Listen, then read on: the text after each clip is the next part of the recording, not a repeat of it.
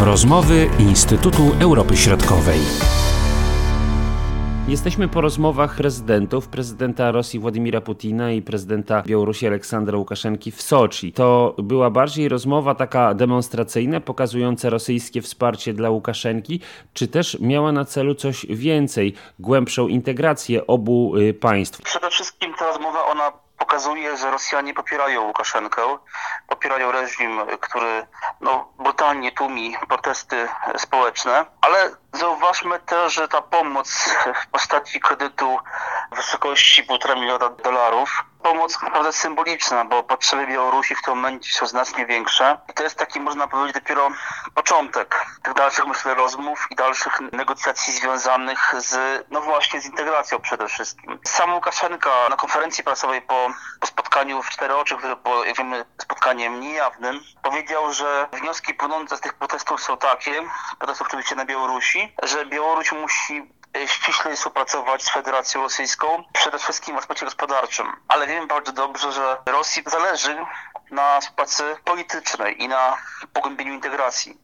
Ponieważ współpraca gospodarcza oczywiście jest korzystna dla Federacji Rosyjskiej, ale na przestrzeni ostatnich dziesięcioleci raczej Rosja dopłacała do tej wymiany handlowej w tym sensie, że Białorusini kupowali gaz, ropę naftową po preferencyjnych cenach. Mieli też inne preferencje związane z innymi z dostępem do rosyjskiego rynku i to zarówno jeśli chodzi o pracowników białoruskich, jak i towary białoruskie. Tak więc ja, ja traktuję tę rozmowę jako taki początek dalszych negocjacji i też dalszych ustępstw przede wszystkim. E, strony strony Białorusi. Ta konferencja prasowa i nawet mowa ciała, jak się patrzyło na obu przywódców, prezydent Łukaszenka wyglądał jak petent. Sytuacja gospodarcza Białorusi jest obecnie bardzo trudna i Białoruś bardzo potrzebuje tych kredytów, ale jak powiedziałam, to jest dopiero początek, bo w przyszłym roku rozpocznie się spłata kredytu, który Białoruś wyciągnęła e, na budowę trowni e, atomowej w Ostrowcu. To jest 10 miliardów dolarów.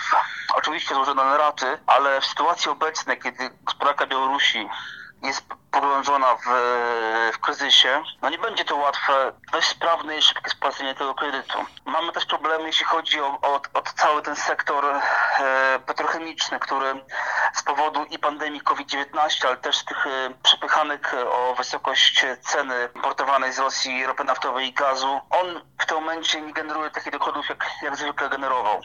Tak więc Łukaszenka ma świadomość tego, że te problemy, one się dopiero ujawnią za 2-3 miesiące. Jeżeli teraz nie zagaśnie tego pożaru, to potem może to skutkować też między innymi w erupcji tych protestów społecznych. No już mamy na ulicach dziesiątki tysięcy y, Białorusinów. Nie chcą, żeby dalej przywódcą ich państwa był Aleksander y, Łukaszenka. Rozdźwięk między społeczeństwem a prezydentem pogłębia się. Do tego jeszcze ten kryzys ekonomiczny, który mm, głębszy, który grozi Białorusi, no raczej nie wróży nic dobrego dla y, Łukaszenki. Władimir Putin jest jego jedyną szansą na przetrwanie? Są ewentualne jeszcze inne, inne scenariusze, na przykład spara z Chinami, ale Chiny nigdy nie odważą się e, wejść w drogę Federacji Rosyjskiej. Rosja oczywiście jest partnerem kluczowym, bo większość produktów e, białoruskich trafia na rynek rosyjski, także jeśli chodzi o surowce, one są pozyskiwane głównie ze wschodu. Bez e, współpracy z Rosją nie ma szansy na szybką oprawę kondycji gospodarki białoruskiej, to pierwsze. A po drugie myślę też, że no sami Białorusini, oni w pewnej, w pewnej części, a można powiedzieć w zdecydowanej części, oni czują się e, narodem, który w pewnym sensie jest powiązany z, z Rosją. Manifestanci odnosili się do, do Rosji dość ciepło. Nawet sami liderzy opozycji wypowiadali się o Rosji dość ciepło. Jeżeli Putin będzie popierał Łukaszenkę wbrew woli większości społeczeństwa, to może sprawić, że te manifestacje zaczną przybierać też inną formę i, i ten wymiar antyrosyjski będzie coraz bardziej widoczny. A co dalej z y, liderką opozycji, panią Ciechanowską? To jest ciekawe, że jest szersza postawa jej wypowiedzi, bo ona y, stwierdziła wprost, że te umowy, te porozumienia, które podpisuje obecnie Łukaszenka, one są bezprawne i w sytuacji, kiedy opozycja dojdzie do władzy, nie ma zamiaru spłacać tych kredytów, które obecnie zaciąga y, Aleksander Łukaszenka. I co ciekawe, jak to komentuje prasa rosyjska, z jednej strony oczywiście wyśmiewają Światłanę Cichanowską, ale z drugiej strony podnoszą kazus Janukowycza, gdzie w pewnej sytuacji. Do dzisiaj Rosja nie otrzymała spłat e, tych pieniędzy, które pożyczyła Ukrainie właśnie w ostatniej fazie rządów Wiktora Janukowycza i obecnie sądzi się z Ukrainą o, o te pożyczki. Oczywiście Światłana Cichanowska w tym momencie nie ma żadnych realnych możliwości wpływania na sytuację na Białorusi. Może tylko apelować do społeczności międzynarodowej i prosić o pomoc, o solidarność, akcentować brutalność działań reżimu Łukaszenki. Siły bezpieczeństwa oczywiście działają. Dochodzi do brutalnych przypadków y, pobić i także kobiet, czego wcześniej chyba nie widzieliśmy. Się wcześniej pobicia kobiet, nawet zdarzały się gwałty, wiemy o tym, ale na taką skalę, tak brutalnie y, OMON i milicja jeszcze nie, nie pacyfikowały protestujących kobiet, nie ciągały ich za włosy, nie uderzały w twarz z pięści.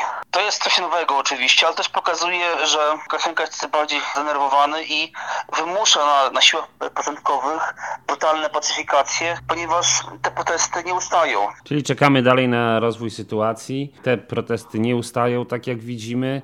E, czekamy na dalsze zachowanie e, Rosji Władimira Putina. Jeśli chodzi o działanie tutaj państw zachodnich, no to raczej one nie mają jakiegoś większego wpływu na to, co się dzieje na Białorusi. Putin też e, rzekomo twierdzi, że ta sprawa, którą, którą widzimy teraz na Białorusi, to jest wewnętrzna sprawa Białorusi i on nie ma zamiaru w to ingerować.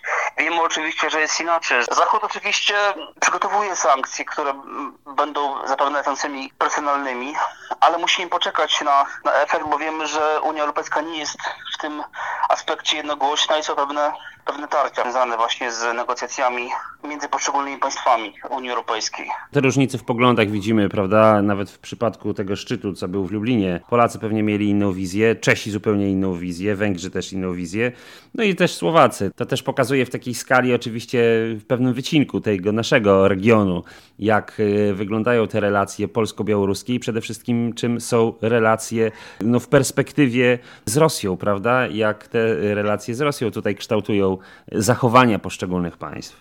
Oczywiście Rosja jest państwem, które w dalszym ciągu dostarcza surowce węglowodorowe do państw Europy Środkowej. Te państwa, jak wiemy, są zależne od, od dostaw ropy naftowej i gazu, a ponieważ ta polityka rosyjska jest taka, że ceny e, dla poszczególnych państw zależą tak naprawdę od, od dobrej woli lub złej woli Federacji Rosyjskiej. No, część państw nie chce psuć swoich relacji z Federacją Rosyjską. Ta sytuacja jest dość niepewna i inwestowanie, tak w cudzysłowie oczywiście, w opozycję, która ma niewielkie szanse na zwycięstwo. Oczywiście to jest kalkulacja, można powiedzieć, tak? Można dodać biznes jak zwykle. Taka jest rzeczywistość, mówił dr Andrzej Szabaciuk. Marcin Superczyński. Do usłyszenia. Były to rozmowy Instytutu Europy Środkowej.